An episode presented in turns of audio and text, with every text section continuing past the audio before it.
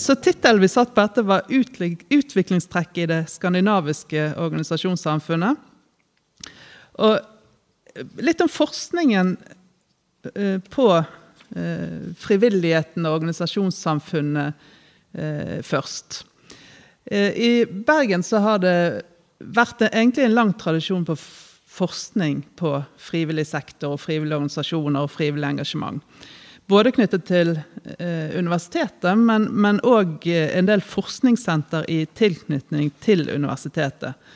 Eh, gamle Rokkansenteret, Uni Research, NORS. Så det har vært et miljø over tid som har drevet med frivillighetsforskning. Så har det òg i Oslo vært et miljø rundt Institutt for samfunnsforskning som har drevet med det. Og i 2008 så slo disse miljøene seg litt sammen og laget et slags sånn virtuelt forskningssenter. Altså et forskningssenter som ikke finnes fysisk noe sted, men som er et samarbeid mellom forskere. Og som heter Senter for forskning på sivilsamfunn og frivillig sektor. Eh, så eh, en del av det jeg sier i dag, er òg eh, basert på forskning fra dette senteret. Og blant annet har vi laget ganske nydelig to bøker eh, på engelsk eh, om frivillig engasjement og frivillig sektor i Norge og Skandinavia. En som er spesielt eh, konsentrert om norske forhold. Både organisasjonssamfunnet og utviklingen i organisasjonssamfunnet. Men òg endringer i frivillig engasjement. Folks engasjement i organisasjoner. Og der vi ser òg på hva konsekvenser eh, endring, andre endringer i samfunnet har for endring i frivillig engasjement. Sånn som f.eks. at det blir mer eh, homogene samfunn. Eh, digitalisering, f.eks. Og hva, hva konsekvenser den type samfunnsendring har på frivilligheten. Så Det er den ene boken. Og det andre er mer en komparativ studie av Norge, Sverige, Danmark. Altså det skandinaviske organisasjonssamfunnet. Både forskjeller eh, mellom de landene, men òg hvordan disse landene eh, skiller seg fra andre land. Det er ofte sånn at vi snakker om, om eh, Skandinavia som å utgjøre en egen modell. Både snakker vi gjerne om den skandinaviske samfunnsmodellen, men òg innenfor frivilligheten at det er en egen modell for frivillig organisering i de skandinaviske landene. Si litt om, om eh, datagrunnlaget òg som vi bygger på denne forskningen på. Eh, og egentlig har vi vært heldige i Norge, for eh, allerede på 80-tallet så startet det et prosjekt der man samlet inn data, da spesielt i Hordaland, om frivillige organisasjoner. Så man kartla på en måte alt som fantes av frivillige organisasjoner i de ulike kommunene i Hordaland. Og det er naturligvis et omfattende kartleggingsarbeid som ble gjort i samarbeid med kulturkontorene i de ulike kommunene. Eh, men et viktig arbeid, fordi det forteller oss noe om hvordan det så ut, og hva som har endret seg seinere. Så vi har fulgt opp disse Hordalandsundersøkelsene på flere ulike tidspunkt, som med ti års mellomrom, som er grunnlag for å si noe om, om, hvordan selve organisasjonssamfunnet endrer seg. Altså hva som finnes av organisasjoner og lag i de ulike kommunene. Så det, det er det ene viktige datagrunnlaget som vi har. Dette er òg eh, fulgt opp på nasjonalt nivå, altså studie av nasjonale organisasjoner. Ikke bare det lokale organisasjonssamfunnet som i Hordaland, men, men nasjonalt. Og man har òg, eh, mer gjennom utvalg av enkeltkommuner, prøvd å følge opp den lokale delen av det. Som, som, ikke blir en like grundig studie av eh, det lokale organisasjonssamfunnet som når man faktisk kartlegger i alle kommunene, men, men likevel et, et, grunnlag for å kunne si noe om trender og, og ja, hvor utviklingen går. Så Det er det ene. Det andre er nasjonale befolkningsstudier, altså mer spørreundersøkelser, som òg er noe som har vært gjort med jevne mellomrom. Gjerne hvert femte år så gjøres sånne undersøkelser. Og som går mer på enkeltindivider sitt engasjement. Eh, hvem som engasjerer seg i organisasjoner, og, og på hva måte og hva man engasjerer seg, og hvor mye tid man legger inn i det, osv. Disse undersøkelsene har òg vært del av store internasjonale forskningsprosjekter. Sånn at man da har grunnlag for å kunne si noe om eh, hvordan Norge skiller seg fra andre land når det gjelder frivillig engasjement. Og Det er òg eh, grunnlaget for denne skandinaviske sammenligningen. For man har omtrent tilsvarende undersøkelser gjort i Danmark og Sverige, som gjør at vi kan eh, studere trender i, i ulike land. Og så I tillegg til dette så prøver vi òg å, å holde oversikt over offentlig politikk på området, og hvordan den endrer seg. Altså rett og slett frivillighetspolitikken. Langtidsplaner osv. Frivillighetsmeldinger. Så dette er liksom grunnlaget for, for, å kunne si noe om utvikling og, og trender på feltet. Det som Jan Erik sa, eh, eller vi ble enige om at uh, kunne være interessant å høre noe om, var hva som kjennetegner frivilligheten i Skandinavia. Uh, noe om organisasjonssamfunnet før og nå, altså hva som endrer seg. Og noe om hvem eh, det er som er aktive i frivilligheten. Så det er for så vidt eh, disposisjonen min å, følge den tredelingen. Så for å begynne med dette med hva som kjennetegner frivilligheten i Skandinavia så var jeg inne på dette om at man ofte snakker om Skandinavia som en slags eh, felles modell. Og det gjør man eh, når man snakker om offentlig sektor. At man i Skandinavia har en stor offentlig sektor. Man har de universelle velferdsstatene, små sosiale forskjeller osv. Men man snakker òg om um, den skandinaviske modellen knyttet til Eh, frivillig sektor. Det som bl.a. kjennetegner Skandinavia der, er at vi har et høyt antall frivillige organisasjoner. Og ofte så er, det en antakelse om at det er en slags motsetning mellom det at man har en stor offentlig sektor og en stor frivillig sektor. At man kan ikke ha begge deler samtidig. F.eks. i en del eh, amerikansk forskning så er det antagelsen at man ikke har noe stor frivillig sektor i de skandinaviske landene, nettopp fordi man har en stor offentlig sektor. Så tankegangen er at det offentlige tar seg jo av folks behov.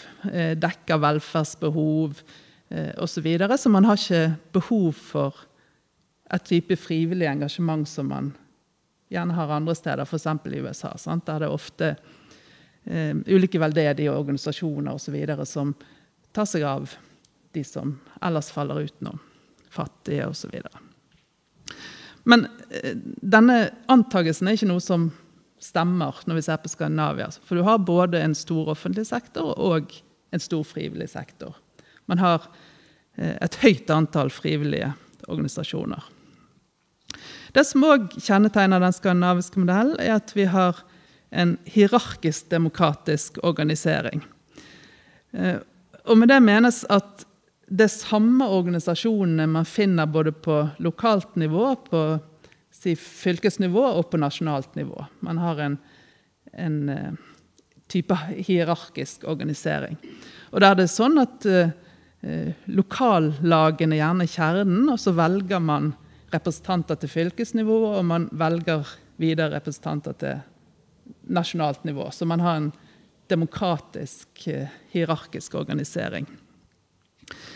Dette er viktig fordi det nettopp gjør at borgerne gjennom organisasjonene blir representert òg nasjonalt.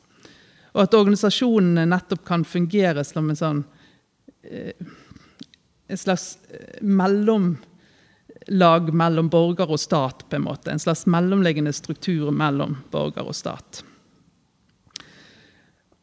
Og at organisasjonene representerer medlemmene òg inn i nasjonale fora. Det er òg et kjennetegn ved den skandinaviske modellen.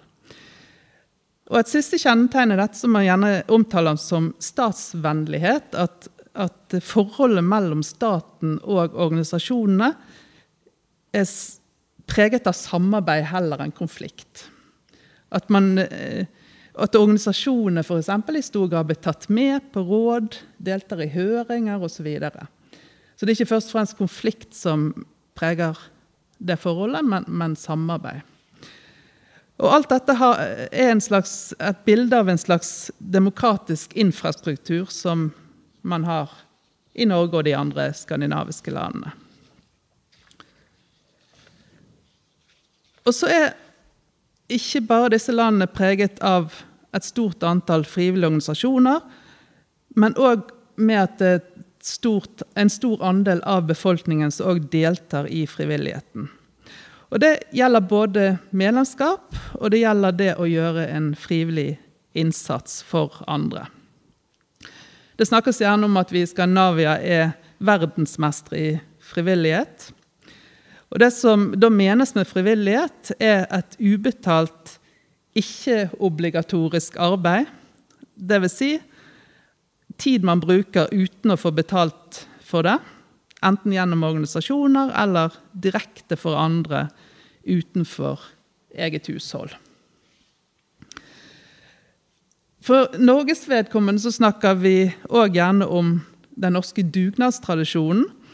Og akkurat dette med dugnad er et særnorsk begrep. Det, det har de ikke i Sverige og Danmark heller. Eh, selv om fenomenet har det jo, men, men eh, de kaller, dette dugnadsbegrepet har det ikke på, på samme måte. Dugnad kan handle om å f.eks. bygge og vedlikeholde forsamlingshus, som dette helt sikkert eh, er gjort. Lagt ned mange dugnadstimer i. Vedlikehold av anlegg. Det kan handle om pengeinnsamling av ulike slag. Loppemarkeder, kiosksalg, kakebaking, kakesalg osv. Det som òg er et kjennetegn med frivilligheten, er at det er brei rekruttering til frivilligheten i Norge. At den er inkluderende, inkluderer eh, folk fra ulike lag av samfunnet. Og det er jo ofte sånn at skal man bli kjent med folk, f.eks. man flytter til et nytt sted, så er det ofte gjennom frivilligheten at man blir kjent med andre. At det er det som er veien inn. Så det er viktig for integrasjon i lokalsamfunnet, eh, men òg viktig for eh, demokratisk representasjon.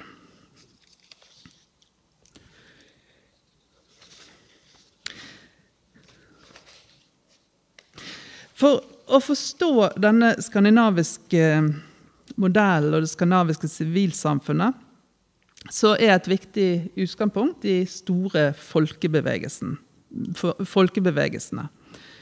Og mange av organisasjonene og foreningene i de skandinaviske landene har også sitt utspring i den type bevegelser. Og også, den tradisjonen er òg viktig for hvordan frivillige organisasjoner velger å organisere seg. Folkebevegelsene hadde ofte sitt utspring i et ønske om å løse problemer eh, som oppstår gjerne i spenningen mellom samfunnsgrupper. F.eks. jordeiere, småbrukere, arbeidere, fabrikkeiere, ufaglærte versus middelklassen. Den type spenninger mellom befolkningsgrupper. Og noen bevegelser er på den måten representanter for bestemte grupper, mens andre i større grad går på tvers av den type skiller. Men eh, uansett hatt stor eh, betydning for samfunnsutviklingen. Eh, de viktigste, bondebevegelsen f.eks., hadde politisk betydning gjennom liberale politiske partier. Økonomisk betydning via kooperativene, f.eks. meierier, slakterhus, banker osv. Viktig sosial og kulturell og ideologisk betydning, f.eks. via bondeungdomslag, folkehøyskoler osv. Arbeiderbevegelsen på samme måte. Politisk, grunnlag for politiske partier, fagforeninger, og der kooperativer, f.eks. For forsikringsselskaper. En rekke sosiale og kulturelle organisasjoner og fritidsorganisasjoner. F.eks. egne speiderbevegelser, eh, arbeiderkor, kveldsskoler osv. Arbeiderbevegelsen man snakker gjerne om en slags organisering hele veien fra vugge til grav. Man hadde, hadde eh, organisas organisasjoner innenfor arbeiderbevegelsen for det meste. Lekmannsbevegelsen, en annen viktig, drev omfattende misjonsvirksomhet, men var òg viktig eh, innenfor velferdsfeltet gjennom at de drev pleiehjem, skoler osv. Avholdsbevegelsen Veldig viktig. Det var vel den største massebevegelsen i Norge og Sverige i en periode. Noen sier at det handlet om at det var den, den tids Tinder. Det var der kvinner og menn møttes. Det, mye av organisasjonssamfunnet har jo vært eh, kjønnsdelt og hatt egne kvinneorganisasjoner, egne mannsorganisasjoner. Mens avholdsbevegelsen var litt sånn der eh, kunne man møtes trygt. Eh, så kanskje én forklaring på, på, at det var en stor og viktig bevegelse. Det var òg en bevegelse som var viktig for offentlig politikk på området. Hva som faktisk ble politikken. Og òg viktig institusjonsbygger og tjenestetilbyder. Altså f.eks. drev eh, rusomsorg, hjem osv. En annen viktig språkbevegelsen, målrørsla, Viktig for nasjonsbygging, for identitetsdannelse. Handlet om kampen mot eh, dansk innflytelse. Sosial- og velferdsbevegelsen. Viktig for utviklingen av velferdsstaten. Ofte var det sånn at initiativ kom innenfor frivillig sektor, og så ble det etter hvert overtatt av offentlig sektor. Organisasjoner innenfor det feltet drev sykehus, eldresenter, klinikker, utdannelsesinstitusjoner osv og som gjerne ble overtatt av staten etter hvert som velferdsstaten vokste fram. Disse organisasjonene er òg veldig viktige i et kjønnsperspektiv. Ble ofte drevet og ledet av kvinner. Norske kvinners sanitetsforening, f.eks. En stor og viktig organisasjon innenfor det feltet. Og En siste ut av de store bevegelsene, idrettsbevegelsen, som vokste fram i takt med det som gjerne kalles for fritidssamfunnet, særlig fra slutten av 1960-tallet utover. Og idrettsbevegelsen finnes overalt. Det er en fjerdedel til en tredjedel av oss som er medlemmer av idrettslag. Så disse folkebevegelsene har vært veldig viktige, viktige i nasjonsbyggingen. Bidratt til identitetsbygging. Men òg å integrere og gi innflytelse til ulike sosiale grupper og klasseinteresser. Så de har vært viktig òg eh, å representere interesser eh, nasjonalt. Og de bidrar til å eh, sosialisere borgerne fra ulike deler av samfunnet til politisk engasjement og demokratisk deltakelse. Og de hadde denne viktige rollen som sånne mellomliggende strukturer mellom borger og stat, som òg ga mulighet for politisk innflytelse. Og Grunnen til at de hadde den rollen, har òg sammenheng med hvordan de var eh, organisert. Folkebevegelsene ga opphav til et stort antall lokale foreninger. Sport, speiderlag, biblioteker, folkehøyskoler, forsikringsselskaper osv. En sier gjerne at de skandinaviske landene er gjennomorganiserte samfunn. Eller man snakker noen ganger om et organisasjonssyndrom. En slags oppfatning av at det meste som er viktig i livet, det bør òg organiseres. Og det blir faktisk òg organisert. Høy organisasjonstetthet i de skandinaviske landene. 28 eh, organisasjoner per 1000 innbygger er vel ett tall som jeg har sett. Og dette, denne høye organisasjonstettheten er òg en forklaring på det høye deltakelsesnivået. Rundt 80 er medlemmer. Det er vel rundt 10 millioner medlemskap. De fleste er medlemmer av ja, i gjennomsnitt to eh, organisasjoner. Um, og disse um, organisasjonene, måten de var tradisjonelt oppbygd, så var det bygd opp omkring de lokale medlemsorganisasjonene. At det var grunnlaget i organisasjonssamfunnet. Um, og man hadde denne demokratiske, hierarkiske organiseringen uh, som, som vi snakket om i sted. Lokallagene som kjernen, medlemmene som eide organisasjonene. Eh, man rekrutterte bredt, og man hadde en slags representasjon inn i det nasjonale systemet. Og ikke bare denne vertikale integrasjonen, eh, men òg den horisontale gjennom at man rekrutterte bredt. Man rekrutterte fra ulike samfunnslag. Og så hadde de denne viktige rollen som velferdstilbydere, institusjonsbyggere, eh, eh, før du fikk framveksten av velferdsstaten. Så f.eks. religiøse organisasjoner, ulike eh, sosiale, humanitære organisasjoner etablerte f.eks. sykehus og pleiehjem og aldershjem osv. Institusjoner for rusbehandling. Så dette er litt sånn bakteppet å forstå folkebevegelsenes uh, betydning for, for uh, det organisasjonssamfunnet som vi har. Så litt inn på endringene i organisasjonslandskapet, hvor utviklingen har gått. Og da ser vi at det er en svekkelse av disse folkebevegelsene. Stort sett, stort sett over hele linjen. altså Egentlig bortsett fra idrettsbevegelsen. Og òg egentlig arbeiderbevegelsen i Sverige er òg noe som har holdt seg ganske stabilt. Um, en, en annen viktig et annet viktig utviklingstrekk vi har sett, er, er at organisasjonssamfunnet er mye mer sekulært enn det, det det var. Mye av det som har forsvunnet, er religiøse organisasjoner av ulike slag. F.eks. De, de gamle misjonskvinneforeningene, sant, som man hadde eh, mange av, og som var viktige i, i bygdene, ser man eh, langt mindre av nå. Det som nominerer organisasjonssamfunnet, er kultur- og fritidsfeltet.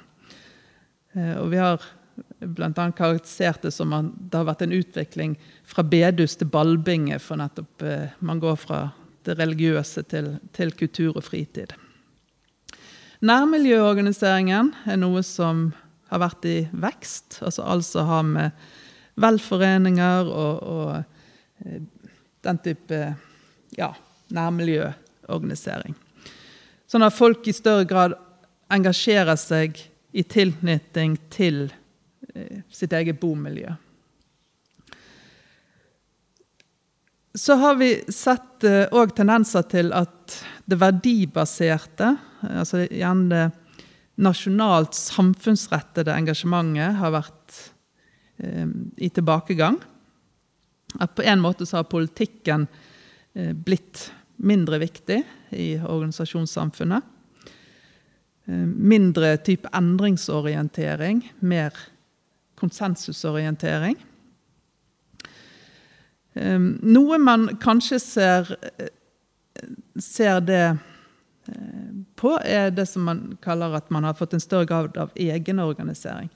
Man kan se f.eks. Ehm, i tilknytning til helsefeltet at man tidligere i større grad eh, engasjerte seg i eh, sosiale velferdsorganisasjoner som hadde et engasjement for et kollektivt engasjement for eh, ja, bekjempe sykdommer osv. Mens man nå i større grad eh, gjerne engasjerer seg i tilknytning til egen, egen sykdom, egen eh, Ja, altså støtteforening for folk med osv. Så, videre. så det har skjedd en slags en, en, endring i den måten man, man organiserer seg på. Dette med jeg sa, eh, samfunnsorienterte engasjementet har, har eh, vært delvis i tilbakegang. Altså noe av det man, man, ser et stort engasjement rundt nå for tiden, er jo miljø- og klimaspørsmålet.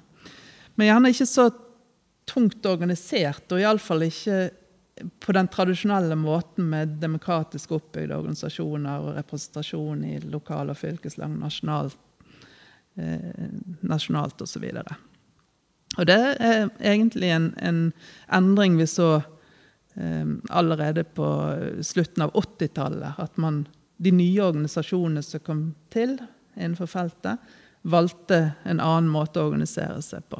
I mindre grad denne tradisjonelle demokratiske oppbyggingen av organisasjonene. Så utviklingen, altså fortsatt uh, høy organisasjonstetthet i Norge, og resten av Skandinavia. Det, det på en måte holder seg. Um, og, og, og, ikke bare det at høy organisasjonstetthet, men òg tendenser til vekst i antall organisasjoner, eh, særlig da nasjonalt.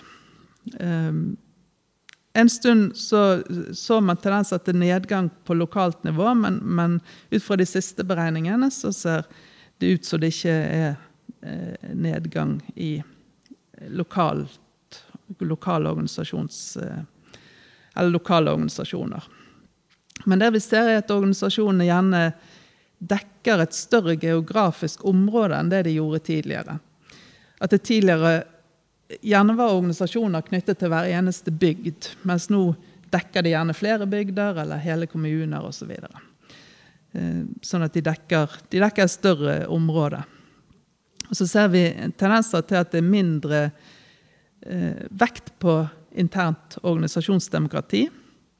At dette med medlemsrolle er eh, svekket i en del organisasjoner. Man bruker mindre tid på det interne organisasjonsdemokratiet. F.eks. arrangerer færre medlemsmøter osv. Og at gjerne frivilligheten er mer vekt på frivilligheten, men mindre på medlemsaktiviteten. Så, så, man er mer opptatt av selve aktiviteten som man driver, enn denne eh, Altså det å drive demokratiet i organisasjonen.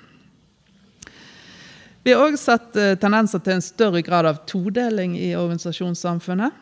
Eh, og med det mener jeg at der man tidligere hadde organisasjoner som var de samme på lokalt og nasjonalt nivå, så er det i større grad sånn at man har egne organisasjoner som opererer på lokalt nivå, og andre organisasjoner som opererer på nasjonalt nivå. Uten at det, du har de der forbindelseslinjene mellom det lokale og det nasjonale. nasjonale. Så organisasjonene nå gjerne eh, sjeldnere medlemsbasert, eh, sjeldnere eh, demokratisk organisert i, tradisjonell forstand. Og gjerne sjeldnere har lokallagene som kjerne i organisasjonene. Selve aktiviteten blitt viktigere, mens, mens gjerne ideologien og, og, den politiske dimensjonen er blitt mindre viktig. Så hvem er det så som er aktive i eh, frivilligheten? Og Derom begynner med å si at det er et høyt nivå av frivillig aktivitet i Skandinavia. Særlig er det det i Norge og Sverige. Det er noe lavere i Danmark. Men òg der er nivået høyt i internasjonal eh, sammenligning. Eh, og dette da til tross for at vi har disse store velferdsstatene som tar ansvar for utdanning, helse, sosialtjenester osv. I tillegg så har nivået på den frivillige aktiviteten holdt seg stabilt høyt over tid, at det ikke har vært nedgang. Det er bl.a. noe som, som eh, man har opplevd i USA. At det har vært nedgang i folks frivillige aktivitet, og som det er bekymringer knyttet til, til der. Men, men i skandinaviske land har vi ikke opplevd denne nedgangen i frivillighet. Så hovedtyngden i frivilligheten, og det henger jo også sammen med det jeg sa i sted om hvor vi finner hovedtyngden i organisasjonslandskapet, altså organisasjonene vi har, men òg innenfor frivilligheten, så er hovedtyngden knyttet til dette med, med, fritidsfeltet. Kultur- og fritidsfeltet. Mens det er mindre aktivitet knyttet til velferdsfeltet. Særlig da hvis vi sammenligner med det som er tilfellet i en rekke andre land. Så litt mer sånn eh, tall for, eh, for, å si noe om det.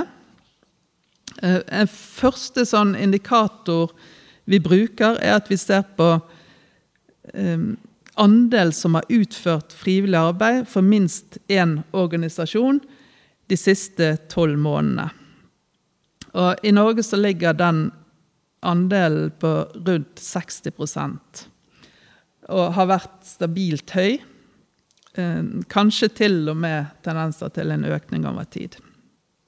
Eh, dette er da med forbehold om endringer i tilknytning til koronapandemien, for selvfølgelig den hadde òg store konsekvenser for frivillig engasjement. Og mye frivillig engasjement var satt på pause i forbindelse med det.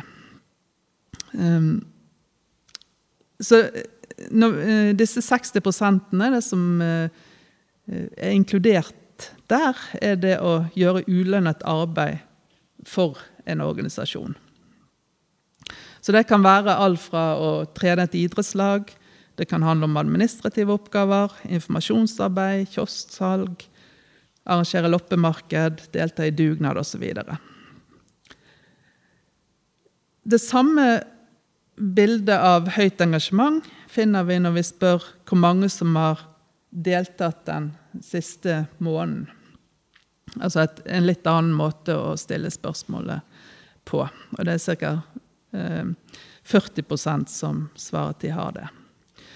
Og En tredje måte å studere det på er å se på tidsbruket. Hvor mye tid legger folk inn i frivillig engasjementet sitt. Og, og ut fra det målet så er den frivillige innsatsen omfattende og stabil. Eh, de som er frivillige, bruker i gjennomsnitt 14-15 timer i måneden på denne frivillige innsatsen sin. Og Det vi òg eh, ser når vi ser på trender over tid i frivillig engasjement, er at det har vært en, en likhet i, i, engasjementet når vi sammenligner på kjønn, altså kvinner og menns engasjement. At du har større grad av likhet. Når vi sammenligner med de andre skandinaviske landene, altså dette med andel av befolkningen som deltar i frivillig arbeid, så er det høyt nivå òg i de andre landene, særlig i Sverige. Danmark ligger noe lavere, selv om òg det er høyt når vi sammenligner med andre land. Og nesten alle, sånne statistikker på frivillighet så finner vi de skandinaviske landene på topp, gjerne sammen med Nederland, som, som skiller seg ut med høyt engasjement. Og som òg eh, skiller seg ut på en del andre statistikker som ofte kobles til frivillighetsstatistikken. F.eks. det som handler om eh, sosial tillit, altså tillit til andre mennesker. Der òg de skandinaviske landene og Nederlandet kommer på topp. Og dette er statistikker som gjerne kobles sammen. At man, man eh, har en forestilling om at tillit er noe som skapes i de frivillige organisasjonene. Dette med Danmark, som eh, ligger litt under de andre skandinaviske landene, eh, det tror vi handler mye om at Danmark er et mer urbant land. Og at du dermed har litt lavere organisasjonstetthet, altså færre organisasjoner, og dermed òg et eh, noe lavere, en noe lavere andel som deltar i frivillig arbeid. Eh, det er jo ofte sånn dette med frivillighet, at det er rundt i de mange bygder at man har det, det store engasjementet. Hvis vi ser på hva type organisasjoner folk er aktive i, så finner vi at det er idretten som dominerer. Det er en fjerdedel av befolkningen, eh, ca. 40% i 2017, som svarer at de gjør frivillig arbeid for en idrettsorganisasjon. Og et annet viktig felt, som vi òg så når vi så på organisasjonslandskapet, det er dette med bomiljø og velforeninger, lokalsamfunnsorganisasjoner. Det er nesten 30 av eh, de, de frivillige, eller de som engasjerer seg, sier at de har bidratt med frivillig arbeid innenfor den type organisasjoner. Og omtrent samme eh, andel svarer at de har bidratt når vi spør om hobby- og fritidsorganisasjoner. F.eks. velferdsfeltet kommer lenger ned på listen. Der er det ikke det, det høye engasjementet i Norge og resten av Skandinavia som vi gjerne finner i en del andre land. Så frivilligheten hos oss er mer knyttet til idrett og kultur og mindre til velferdsfeltet. Og som naturligvis handler om nettopp det at vi har en godt utviklet velferdsstat som tar hånd om mye ut av det. Dette med eh, religiøse organisasjoner, livssynsorganisasjoner, er noe som har hatt en jevn nedgang, helt, faktisk helt tilbake til 70-tallet. Og nå er det under 10% av befolkningen som sier at de har bidratt med frivillig arbeid for den type organisasjoner. Så det har vært en sånn eh, lang, lang trend, langsiktig trend. Litt mer eh, konkret om hvem det er som deltar. Eh, det generelle bildet i alle de skandinaviske landene er dette med at rekrutteringen er brei, og at det er stort sett små forskjeller mellom hvem som deltar og ikke. Kjønnslikhet det er kjønnslikhet dersom vi ekskluderer idrettsorganisasjonene. Menn dominerer innenfor idrettsorganisasjonene. Men tar vi de ut av statistikken, så er det likhet mellom kvinner og menn. Så handler òg eh, frivillig engasjement, ser det ut som, litt om dette med å være etablert. De som er gift eller eh, registrerte partnere, deltar mer enn de som er ugifte. Det henger sammen med utdanning. De som har høy utdanning, deltar mer enn de som har lav utdanning.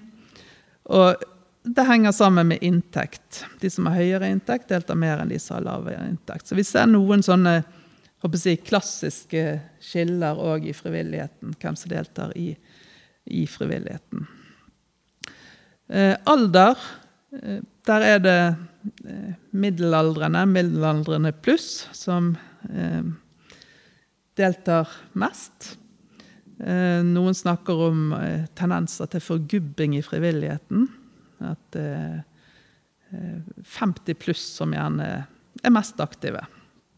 Jeg vet ikke om det er riktig å kalle det forgubbing, men i alle fall. Så er det dette med å ha barn som er en eh, viktig, eh, viktig faktor òg når vi studerer deltakelse i frivillig aktivitet. Det er mange som engasjerer seg i tilknytning til barnas sport- og fritidsaktiviteter, f.eks. Eh, og hvor frivillig det er, det kan òg diskuteres. Men i alle fall der er det eh, et stort engasjement og mange som er aktive. Ellers en, en eh, sånn type ja, kjennetegn. Det handler om dette med, med innvandrerbefolkningen som, dra, som deltar mindre enn majoritetsbefolkningen i frivillige organisasjoner. Men likevel et høyt nivå i internasjonal sammenheng. Og Det der er jo òg en måte som f.eks. myndighetene ønsker å bruke frivillige organisasjoner til integrering av innvandrere i lokalsamfunn.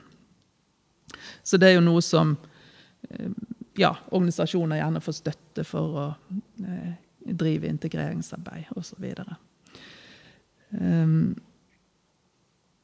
ja. Ellers, eh, hvis vi ser på innvandrerbefolkningen, så er de gjerne mer aktive i religiøse organisasjoner og organisasjoner som er rettet mot spesifikke nasjonaliteter og kulturelle grupper. Sånn at det gjerne er knyttet til eh, ja, enkelte kulturelle grupper, f.eks. knyttet til det landet som de kommer fra. Og Det kan være også snakk om eh, mer uformelle former for frivillighet. altså Kanskje ikke den eh, tunge organiserte frivilligheten, men mer type nettverk og eh, mer uformelle strukturer.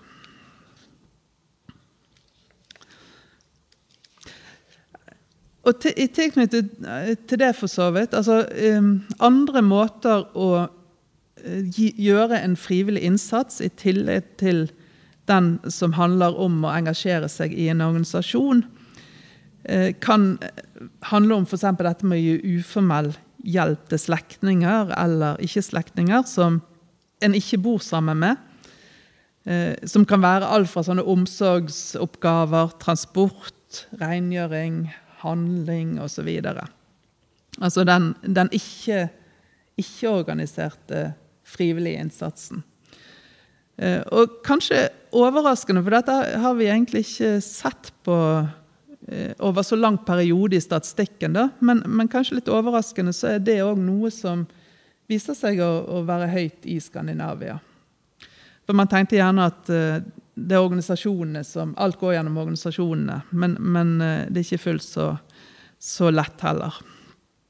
Um, sånn at man har òg en relativt høy andel som, som, bidrar på mer uformelle måter.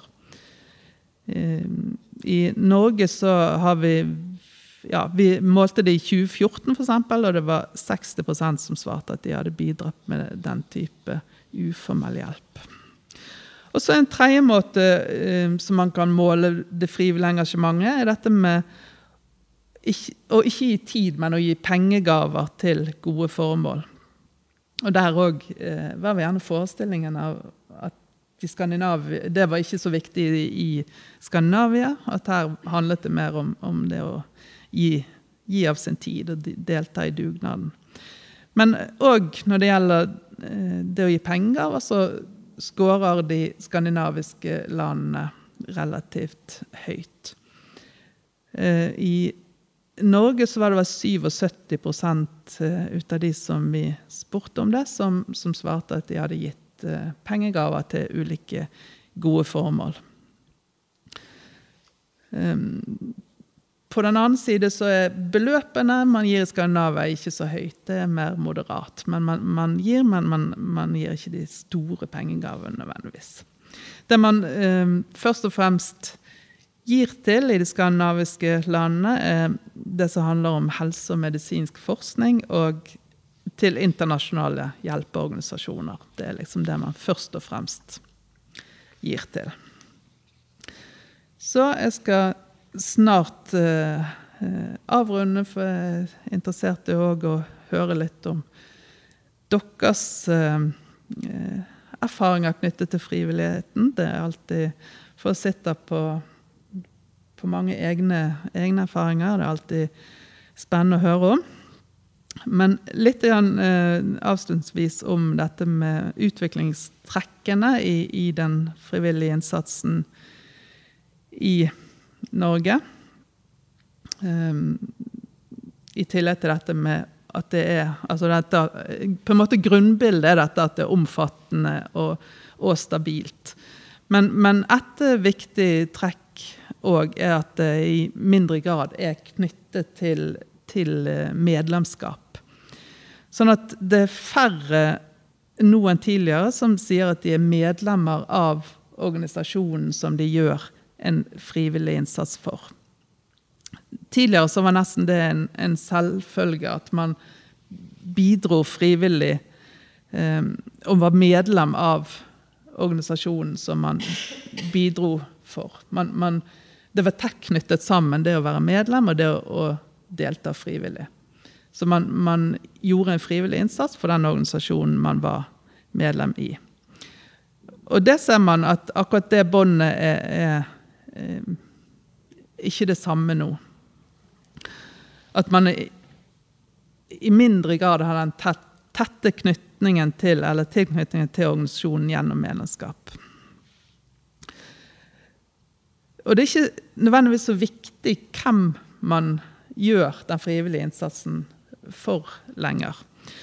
Eh, og frivillig innsats kan òg være knyttet til altså helt utenfor organisasjonssamfunnet. Det, man kan gjøre frivillig innsats for stat eller kommune, eller til og med for, for det private. Altså, eksempel offentlige sykehus har gjerne frivillige som gjør en innsats på, eh, i tilknytning til det, som ikke handler om organisasjonslivet.